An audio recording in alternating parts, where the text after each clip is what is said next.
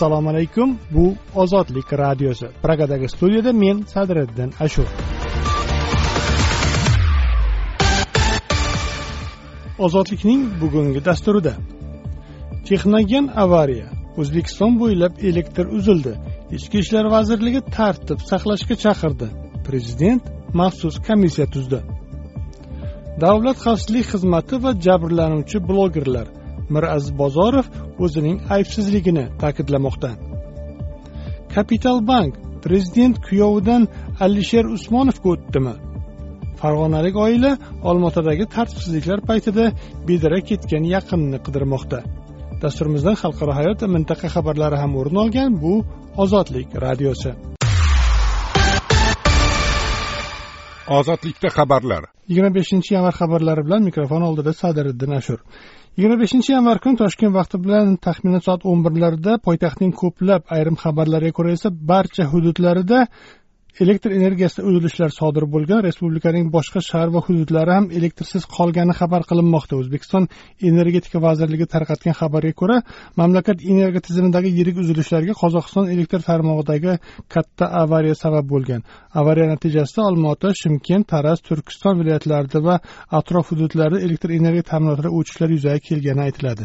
Ijtimoiy tarmoqlarda qo'shni davlatlar qozog'iston va qirg'izistonning chimkent taraz olmaota turkiston o'sh va bishkekda ham elektr energiyasi o'chishi kuzatilgani xabar qilinmoqda. Tafsilotlar bilan dastur davomida tanishasiz. O'zbekiston prezidenti shavkat mirziyoyev yigirma beshinchi yanvar kuni markaziy osiyo davlatlari xitoy onlayn sammitida ishtirok etadi. Bu haqda ma'lumot tarqatgan prezident matbuot xizmati mazkur tadbir diplomatik munosabatlar o'rnatilganining o'ttiz yilligi munosabati bilan o'tkazilishini qayd etgan. Xitoy xalq respublikasi raisi si szinpin tashabbusi bilan tashkil etiladigan tadbir kun tartibiga muvofiq markaziy osiyo mamlakatlari va xitoy o'rtasidagi o'ttiz yillik hamkorlik yakunlari sarhisob qilinadi. Ko'p qirrali munosabatlarni yanada rivojlantirish masalalari ko'rib chiqiladi va amaliy hamkorlikning istiqbolli sohalari belgilab olinadi deyilgan xabarnomada. O'zbekistonda koronavirusga qarshi emlash tadbirlari boshlangan ikki ming yigirma birinchi yil apreldan buyon shu kungacha qirq bir million to'rt yuz yetmish to'qqiz ming doza vaksinadan foydalanilgan deya ma'lum qildi sog'liqni saqlash vazirligi matbuot xizmati. Vazirlik yigirma to'rtinchi yanvar kuni o'zbekiston hududlari bo'ylab bir ming bir yuz yigirma uch kishi koronavirusga chalingani shu tariqa xastalik yuqtirib olganlarning umumiy soni ikki yuz o'n olti ming nafardan oshganini bildirgan. Kuchli qor tufayli toshkent istanbul va istanbul toshkent reyslarining parvozi kechiktirildi. Turkiyaning istanbul xalqaro aeroportida ob havo sharoitining noqulayligi vajidan yigirma beshinchi yanvar kuni h va ikki yuz yetmish bir toshkent istanbul reysi vaqti soat nol yetti qirqdan soat o'n uchga ko'chirilgan. Bu haqda ma'lumot tarqatgan o'zbekiston havo yo'llari aviashirkati matbuot xizmati bunga istanbul aeroportida kuzatilayotgan kuchli qor va ko'rishning yetarli darajada emasligi sabab bo'lganini bildirgan. Istanbulda odatiy bo'lmagan kuchli qor yog'ishi kuzatilayotgani noqulay ob havo sharoiti tufayli transport harakatida muammolar yuzaga kelgani haqida avvalroq ijtimoiy tarmoqlarda turli xabar va videolar tarqalgan edi. Xalqaro xabarlarga o'tamiz aqsh davlat departamenti rossiya ukrainaga hujum qilishi ehtimoli tufayli qo'shma shtatlarning kiyevdagi elchixonasida ishlovchi xodimlar oilalariga mamlakatni tark etish haqida ko'rsatma berdi. Bu haqda reuters agentligi davlat departamenti bayonotiga tayangan holda xabar qildi. Yollanma xodimlarning bir qismiga mamlakatdan ixtiyoriy ravishda chiqib ketishga ruxsat etilgan. Shuningdek davlat departamenti ukraina hududida bo'lib turgan amerikaliklarga tijorat reyslari bilan mamlakatdan chiqib ketish haqida o'ylab ko'rishni va rossiyaga bormaslikni tavsiya qilgan. Rossiya ukrainaga qarshi keng ko'lamli harbiy harakatlar boshlashni rejalayotgani to'g'risida xabarlar bor.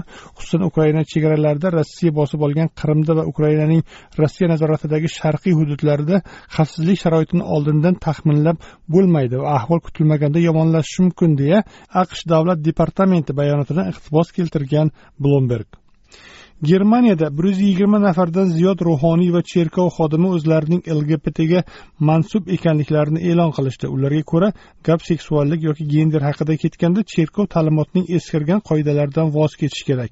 Mazkur murojaatnoma out in tashabbusi doirasida ijtimoiy tarmoqlar orqali tarqatilgan. Murojaatnoma mualliflari jinsiy orientatsiya cherkovga xayrixohlik tamoyilini buzishga tenglashtirilmasligi yoki ishdan bo'shatish uchun sabab bo'lmasligi lozimligini qayd etganlar. So'nggi bir necha yil ichida germaniya va aqshdagi katolik ruhoniylar bir jinsli juftliklarni ma'qullab yepiskoplarni bunday nikohlar uchun ruxsat berishga chaqira boshlaganlar. Vatikan o'tgan yili bu kabi iltimoslarning barchasini rad etgan. Xabarlar bilan tanishdingiz. Boshqa yangiliklar ozodlik nuqta org saytida. Ozodlikda dolzarb mavzu. Yigirma beshinchi yanvar toshkent vaqti bilan soat o'n birlarda poytaxt va aksar viloyatlarda elektr energiyasi uzilib qoldi elektr ta'minotidagi uzilish o'zbekiston uchun qariyb o'ttiz yillik muammo. Ammo toshkentda metro to'xtab mamlakat bo'ylab hukumat yig'ilishlarida zoom aloqalari uzilgach tarmoqlarda bu gal jiddiy kollaps yuz bergani haqidagi xabarlar paydo bo'la boshladi. Birin ketin yirik shaharlarda svetoforlar ishlamagani uchun tiqinlar yuzaga keldi. Shaharlardagi ko'p qavatli turar joylarda liftga qamalib qolgan yoki Amirsoy tog'li dam olish maskanida osma yo'llarda qolib ketganlar kuzatildi. Oradan biroz muddat o'tib o'zbekiston energetika vazirligi bayonot berdi. Bugun soat o'n ellik yettida markaziy osiyo yagona elektr tarmog'ida katta avariya bo'lishi oqibatida elektr energiya ta'minotida o'chishlar yuzaga keldi.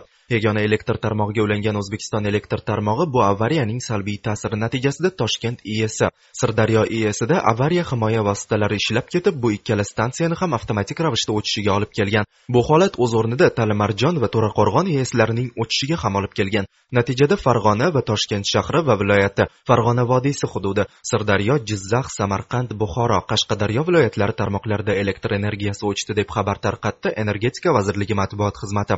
O'zbekiston uy joy kommunal xizmat vazirligi mamlakatning ko'plab hududlarida elektr energiyasi tizimida kuzatilgan uzilishlar bois isitish oqova hamda ichimlik suv tarmoqlarida ham uzilishlar kuzatilishidan ogohlantirdi.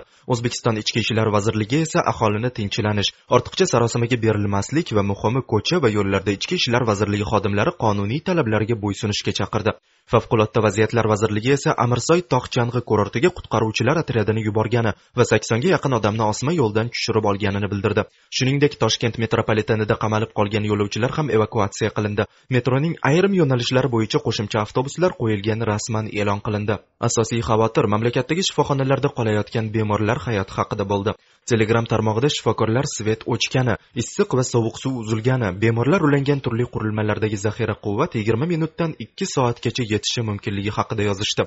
Ayniqsa koronavirusdan davolanayotgan bemorlar vaziyati haqidagi xavotirlar kuchaygach toshkent shahar hokimiyati tug'ruqxona va covid markazlari qo'shimcha elektr ta'minotiga o'tkazilganini xabar qildi. Sog'liqni saqlash vazirligi matbuot xizmati ham aholini tinchlantirishga urindi xavotirga o'rin yo'q. Barcha operatsion bloklar zamonaviy tarzda jihozlangan va qo'shimcha ta'minot generatorlariga ulangan.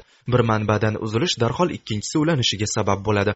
Albatta yordamchi dizel generatorlar bilan uzoq vaqt ishlab turish qiyin lekin tez orada umumiy ta'minot tiklanishiga umid qilamiz. Keyingi jarrohlik amaliyotlari shunga qarab rejalashtiriladi dedi sog'liqni saqlash vazirligi matbuot kotibi furqat sanayev.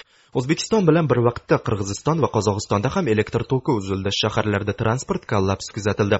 Avariya natijasida qo'shni qozog'iston va qirg'izistonning chimkent taraz olmaota turkiston o'sh va bishkek shaharlarida ham elektr energiyasi o'chishi kuzatildi. Markaziy osiyoda ilk bor kuzatilayotgan texnogen avariya boshlanganidan bir soatlarcha vaqt o'tgach o'zbekiston energetika vazirligi avariya sababi qozog'istonda ekani haqida bayonot berdi. Ammo markaziy osiyoda ilk bor kuzatilayotgan texnogen avariya sababi haqida o'zbekiston tomoni bergan bu bayonot qozog'iston tomoni bayonotiga zid bo'ldi. Qozog'iston energetika vazirligiga ko'ra mintaqadagi keng ko'lamli blokautga o'zbekiston va qirg'iziston tizimidagi disbalans sabab bo'lgan. Qozog'iston tomoni bayonotidan so'ng o'zbekiston tomoni bergan rasmiy bayonotdan qozog'istondan keluvchi besh yuz o'ttiz liniyadagi kuchlanish va chastotani keskin o'zgarishi oqibatida degan jumla olib tashlandi. Hozircha hech bir davlat hodisaning asl sababi haqida to'liq va aniq ma'lumot bergani yo'q. Rasmiy idoralar sabablari o'rganilayotganini bildirgan. Ammo qariyb uch soatlardan so'ng o'zbekistonning ayrim hududlarida elektr energiyasi ta'minoti yana tiklana boshladi. Qirg'iziston va qozog'istonda ham. Jumladan qirg'iziston energetika vazirligi matbuot xizmati markaziy osiyo yagona elektr tarmog'idan uzilib o'z hududiga elektr quvvati bera boshlaganini bildirdi. Mintaqa bo'ylab yirik shaharlar davlat muassasalari shifoxonalar va transport markazlarida elektr ta'minoti tiklanayotgani kuzatildi kuzatilmoqda ayni paytda o'ta yirik texnogen hodisaning sabab va oqibatlari tahlil qilingan postlar tarmoqlarda paydo bo'la boshladi. Tahlilchilarga ko'ra bu hodisa o'zbekistonning yirik ko'lamdagi texnogen halokatlarga tayyor emasligini ko'rsatdi. Shuningdek mintaqa davlatlari elektr liniyalarini bir biriga bog'lab turgan yagona energetika tizimining salbiy va ijobiy oqibatlarini yana bir bor namoyon qilgan. Hukumat rasmiylari hozirda hodisadan ko'rilgan iqtisodiy zarar ko'lami aniqlanayotganini bildirdi. Hodisada insoniy talafotlar ko'rilgani haqida hozircha hech qanday ma'lumot yo'q. Ozodlik radiosi. Inson huquqlari. Toshkentning jinoyat ishlari bo'yicha mirobod tuman sudi tomonidan uch yilga ozodlikni cheklash jazosiga mahkum etilgan bloger miraziz bozorov o'zining aybsiz ekanini ta'kidlamoqda. Tafsilotlar bilan gulasal bozorov ustidan sud to'rt shaxsning da'vosi asosida ko'rildi. Bular islom sivilizatsiyasi markazi sobiq xodimi tarmoqlarda abror muxtor ali taxallusi ostidagi ziddiyatli chiqishlari bilan tanilgan abror abduazimov youtube tarmog'idagi kanali bilan tanilgan shuhrat musayev telegram tarmog'idagi bloger abu solih salimov hamda toshkentdagi bir yuz o'ninchi maktab o'qituvchisi. Sud hukmi e'lon qilingach mahkama tafsilotlarni oshkor qilgan advokat sergey mayorovga ko'ra sudga taqdim qilingan xulosada ayblov uch punktdan iborat bo'lgan. Bulardan biri poytaxtdagi bir yuz o'ninchi umumiy o'rta ta'lim maktabi o'qituvchilaridan tushgan jamoaviy shikoyat asosida ilgari surilgan ayblovdir. Mayorovga ko'ra norozilar blogerning tiktok tarmog'idagi chiqishlari jumladan maktab eski qullar va omadsizlar. Yosh avlodni qul va omadsiz bo'lishga o'rgatadigan joy kabi gaplariga e'tiroz bildirishgan. Qolgan ikki ayblov uch nafar bloger shikoyati asosida ilgari surilgan. Advokatga ko'ra bozorov ularni dxxga xizmat qiladigan dxx blogerlari hamda ishid tarafdorlari deb ayblagani jinoyat ishida uch blogerga nisbatan tuhmat deb malakalangan. Sergey mayorovga ko'ra uch islomchi bloger shtat birligi yoki shtatdan tashqari shaklda dxxda ishlamasligi ishidga a'zo emasligi haqida sudga davlat xavfsizlik xizmatidan olingan ma'lumotnomani taqdim qilishgan. Sud buni inobatga olgan. Ozodlikka kelib tushgan suddagi so'nggi so'zida miraziz bozorov o'ziga nisbatan ilgari surilgan ayblovni tan olmasligini bot bot takrorlaydi. Menga e'lon qilingan ayblovdagi aybni tan olmayman. O'z akkauntlarida menga qarshi roliklar joylashtirgan meni ta'qib qilgan men haqimda yolg'on ma'lumotlarni tarqatgan va onlayn terror to'lqinini qo'zg'atgan. Shuningdek toshkent markazida islomchilar to'poloniga sabab bo'lgan yuqorida ismlari ko'rsatib o'tilgan qilgan uch blogerni rostdan ham dxx blogerlari deb hisoblayman. Tergovchi tojiyev tergovni noxolis olib bordi degan bloger. Faollar miraziz bozorovga jinoyat ishi ochilishining asl sababi uning hukumatni tanqid qiluvchi chiqishlari ekanini aytishadi. Xalqaro inson huquqlari tashkilotlari bozorovga bo'lgan hujum va uning hibsga olinishini qoralab kelmoqda. Yigirma to'rtinchi yanvar kuni human rights watch tashkiloti vakili hyu uilyamson o'zbekiston hukumatini bozorovni zudlik bilan ozod qilishga chaqirdi. Birlashgan millatlar tashkilotining inson huquqlari himoyachilari vaziyati bo'yicha maxsus ma'ruzachisi meri loper ham bozorovning jazolanishini tashvishlanarli deb baholadi. Advokat sergey mayorov bozorov ustidan kechgan mahkamani adolatsiz deb atab hukmni bekor qilishga chaqirgan. Uch yilga ozodlikni cheklash jazosi tayinlandi. Shu paytgacha o'tkazgan uy qamog'i muddati ham qo'shiladi. Ya'ni ikki yildan ortiqroq muddati qoldi. Sud hukmi noqonuniy adolatsiz yaqqol ko'rinib turgan holatlar inobatga olinmay qabul qilingan qaror. Bu qaror ustidan albatta shikoyat kiritilishi va bekor qilinishi lozim. Chunki mahkama rasman qonunbuzarliklarsiz o'tgan bo'lsada aslida adolatsiz va noxolis o'tkazildi dedi advokat. Yigirma sakkizinchi mart kuni qora niqobli odamlar tomonidan do'pposlangan bloger miraziz bozorov og'ir tan jarohati bilan kasalxonaga yotqizilgan edi. Bloger ustidan sud yigirmanchi yigirma birinchi yanvar kunlari bo'lib o'tdi. Har ikki majlis ochiq deb e'lon qilinganiga qaramay unga jurnalistlar qo'yilmadi. Mahkamada qatnashgan ezgulik inson huquqlari jamiyati rahbari abdurahmon tashanovga ko'ra chet el diplomatik korpusi yevropa ittifoqi va birlashgan millatlar tashkiloti vakolatxonasidan vakillar sudga kiritilgan. Ijtimoiy tarmoqlarda o'zbekiston hukumatini korrupsiyada ayblab keskin tanqid qilgan va lgbt huquqlarini himoya qilish xususan jinoyat kodeksidan besoqolbozlik moddasini chiqarib tashlashga chaqirgan o'ttiz yashar bloger miraziz bozorov o'zbekistonda tug'ilib o'sgan. Toshkentdagi vestminster universitetini tamomlagan iqtisodchi psixologiya bilan qiziqqan facebook sahifasida bu borada ko'p postlar qoldirgan. Bozorov rus tilida yozib faoliyat yuritgan. Ozodlik radiosi o'zbekiston iqtisodiyot. Kapital bank prezident kuyovidan alisher usmonovga o'tdimi? Tafsilotlar bilan men usmon nazar o'zbekiston prezidenti shavkat mirziyoyevning to'ng'ich kuyovi oybek tursunov kapital bankning afillangan shaxslar ro'yxatidan chiqarildi. Bu haqida korporativ ma'lumotlar yagona portalidagi yangilangan ma'lumotlardan anglashiladi. Ayni paytda korporativ ma'lumotlar yagona portalidagi ma'lumotga ko'ra kapital bankning kamida qirq besh foiz aksiyalari asli o'zbekistonlik milliarder alisher usmonovga qarashli usm holding tarkibidagi telekom invest hamda u bilan afillangan korus shirkatiga o'tgan. Kapital bank o'zbekiston bank sektoridagi yetakchi pozitsiyani egallagan moliya shirkatlaridan biridir. Ma'lum bo'lishicha, o'tgan yil oktyabrdan buyon Kapital bankning 50% aksiyalariga egalik qilib kelgan Oybek Tursunov 21 yanvar kuni bankning afillangan shaxslar ro'yxatidan chiqarilgan, lekin bu amaliyot qanday asoslarga ega bo'lgani to'g'risida ochiq ma'lumot mavjud emas. Markaziy bank bayonotida elektron pullarni ishlab chiqarish huquqi Payment Aggregation Systems mchjga va kapital Bank aksiyadorlik tijorat bankiga berilgani qayd etildi.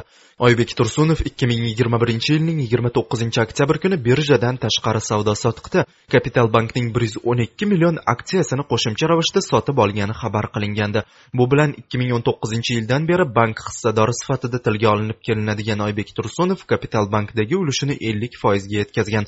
Bunga qadar oybek tursunov kapital bankning ellik ikki butun yuzdan qirq uch million aksiyasi egasi bo'lgan. O'zbekiston markaziy banki kapital bankni oybek tursunov o'z nazoratiga olganidan o'n to'rt kun o'tgach o'n birinchi noyabr kuni kivi o'zbekiston elektron pulini o'z reyestriga kiritdi va ishlab chiqarishga ruxsat berdi. Markaziy bank bayonotida elektron pullarni ishlab chiqarish huquqi payment aggregation systems mchjga va kapital bank aksiyadorlik tijorat bankiga berilgani qayd etildi. Ikki ming yigirma ikkinchi yilning o'ninchi yanvarida toshkent respublika fond birjasi asli o'zbekistonlik milliarder alisher usmonovga qarashli usm holdings shirkati sho'basi bo'lgan telekom invest kapital bank ustav kapitalining sakkiz butun yuzdan o'ttiz uch foizini sotib olgani va bu bilan o'z ulushini yigirma besh foizga yetkazgani to'g'risida bildirgandi. Korporativ ma'lumotlar yagona portalida bosh qarorgohi rossiya poytaxti moskva shahri birinchi tverskay yamskay tor ko'chasi sifatida ko'rsatilgan telekom invest kapital bankning yigirma foiz va mingdan ko'proq aksiyalari egasi sifatida qayd etilgan bundan tashqari bosh qarorgohi rossiya poytaxti moskva shahri birinchi tverskay yamskay tor ko'chasi sifatida ko'rsatilgan ao korus ham kapital bankning yigirma foiz va undan ko'proq aksiyalari egasi sifatida qayd etilgan. Korporativ ma'lumotlar yagona portalida bosh qarorgohi bitta ko'cha va bitta binoda ekani qayd etilgan telekom invest va korus kapital bank bilan afillangan yuridik shaxslar sifatida ikki ming yigirma ikkinchi yilning o'n ikkinchi yanvarida ro'yxatga olingan.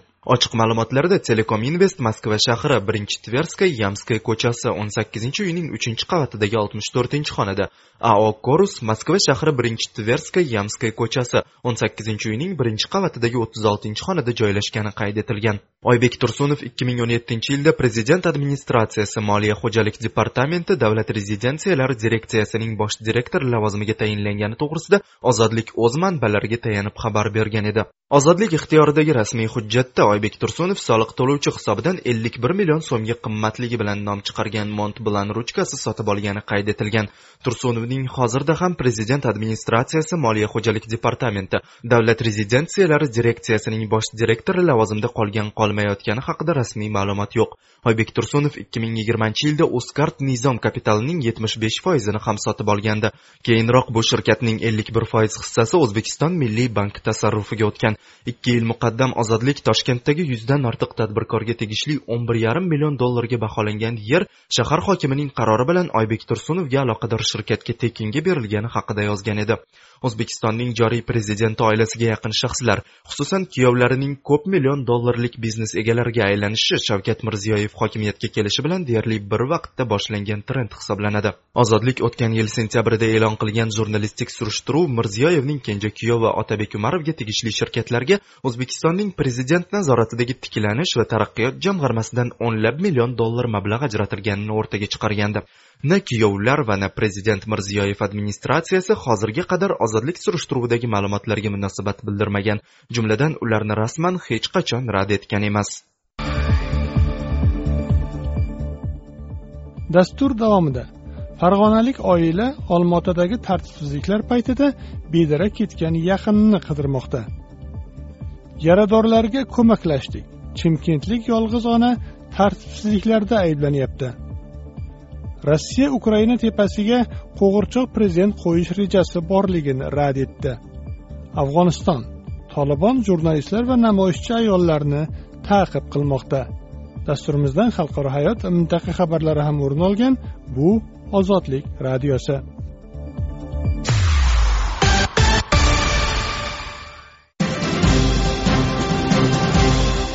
Ozodlik radiosi xalqaro hayot. Nato ukraina bilan bog'liq vaziyat tufayli sharqiy yevropaga kema va qiruvchi uchoqlar yo'llamoqda. Tafsilotlar bilan gulasal natoga a'zo mamlakatlar ukraina bilan bog'liq vaziyat tufayli o'z kuchlarini shaylik holatiga keltirmoqda va sharqiy yevropaga qo'shimcha kuch kemalar va qiruvchi uchoqlarni yo'llamoqda. Bu haqda shimoliy atlantika ittifoqining rasmiy sayti ma'lumot tarqatdi. Daniya boltiq dengiziga fregat jo'natgan va havo hududida navbatchilik qilish missiyasini dastaklash uchun litvaga to'rtta f o'n olti qiruvchi uchog'ini yo'llashga hozirlanmoqda. Ispaniya nato harbiy dengiz kuchlariga qo'shilishi uchun o'z kemalarini yuborgan. Shuningdek bolgariyaga qiruvchi uchoqlarni yo'llash imkoniyatini ko'rib chiqmoqda. Fransiya o'z askarlarini ruminiyaga tashlashga tayyorligini bildirgan. Hollandiya sharqiy yevropa havo hududini qo'riqlash uchun ikkita f o'ttiz besh qiruvchi uchog'i bitta kema hamda quruqlikda harakat qiluvchi bo'linmalarni bolgariyaga yuboradi. Aqsh esa sharqiy yevropa yevropadagi kuchlarni oshirish imkoniyatini o'rganayotgani haqida bayonot bergan. Bizga qo'shimcha kuchlar taqdim etayotgan ittifoqchilarimizni olqishlayman. Nato o'z ittifoqchilarini himoya qilish uchun barcha zarur choralarni ko'radi. Biz xavfsizlik bilan bog'liq vaziyat yomonlashuviga hamisha o'z vaqtida munosabat bildirib jamoaviy mudofaani mustahkamlaymiz degan nato bosh kotibi yens stoltenberg. Ikki ming yigirma birinchi yil mart oyida conflict intelligence team tadqiqotchilari rossiya armiyasi artilleriya va tanklarni moto o'qchi va desantchi harbiy bo'linmalarni ukraina bilan chegara yaqiniga keltirayotgani haqida yozgan. Ukraina bilan chegaradosh voronej viloyatida hatto iskandar raketa majmualari borligi aniqlangan. ikki ming yigirma ikkinchi yil yanvarida cit rossiya shaxsiy tarkib va harbiy texnikani g'arbiy chegaralariga tashlayotganiga doir yangi dalillarni e'lon qilgan. Aqsh va yevropa rossiya qo'shinlari chegaradan o'tgan taqdirda keskin sanksiyalar joriy etishga tayyorligini bildirgan. Moskva harbiy amaliyotga hozirlanayotganini rad etib kelyapti. Qo'shinlar harakatini esa harbiy mashqlar deya izohlamoqda.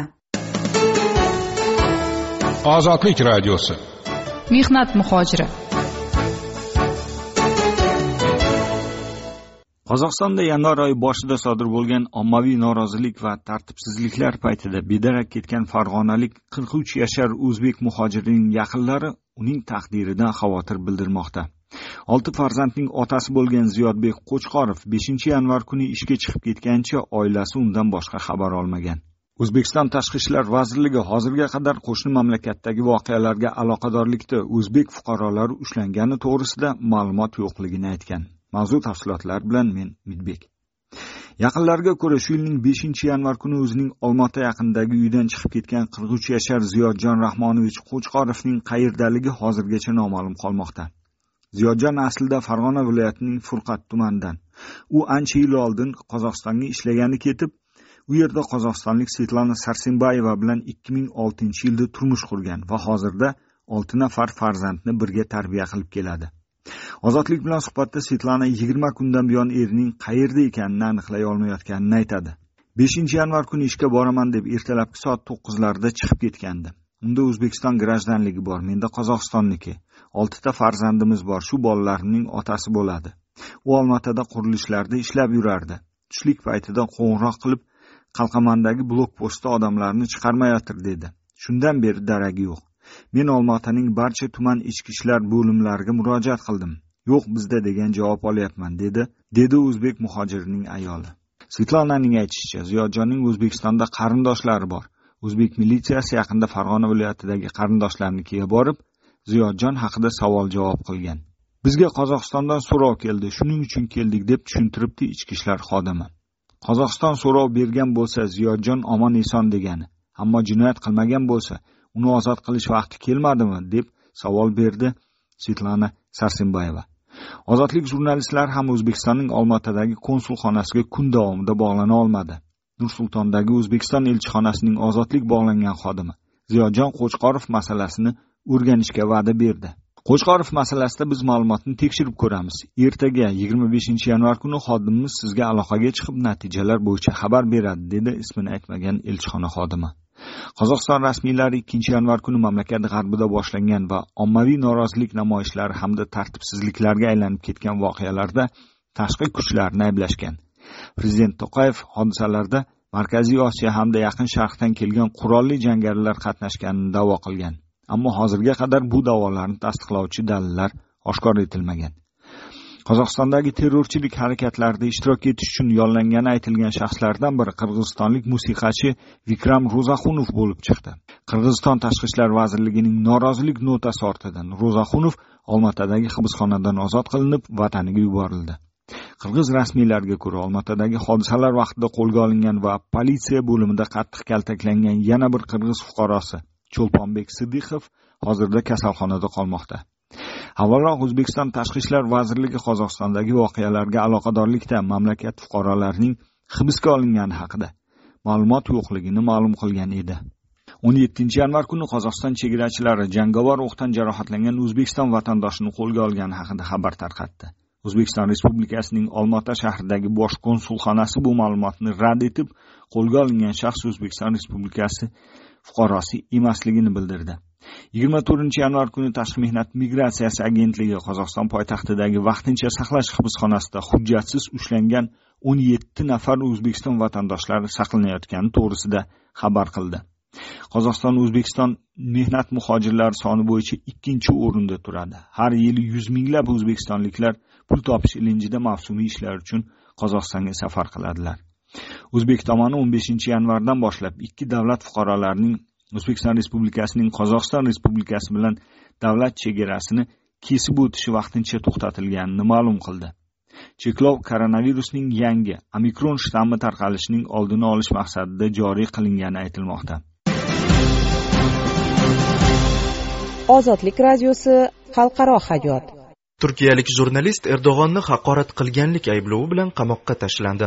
Mavzu tafsilotlari bilan men usmon nazar associated press hamda bbc taniqli turk jurnalisti prezident rajab toyib erdo'g'onni haqorat qilganlikda ayblanib sudgacha qamoqqa tashlanganini xabar qilmoqda. Bu haqida jurnalistning advokati ma'lum qilgan.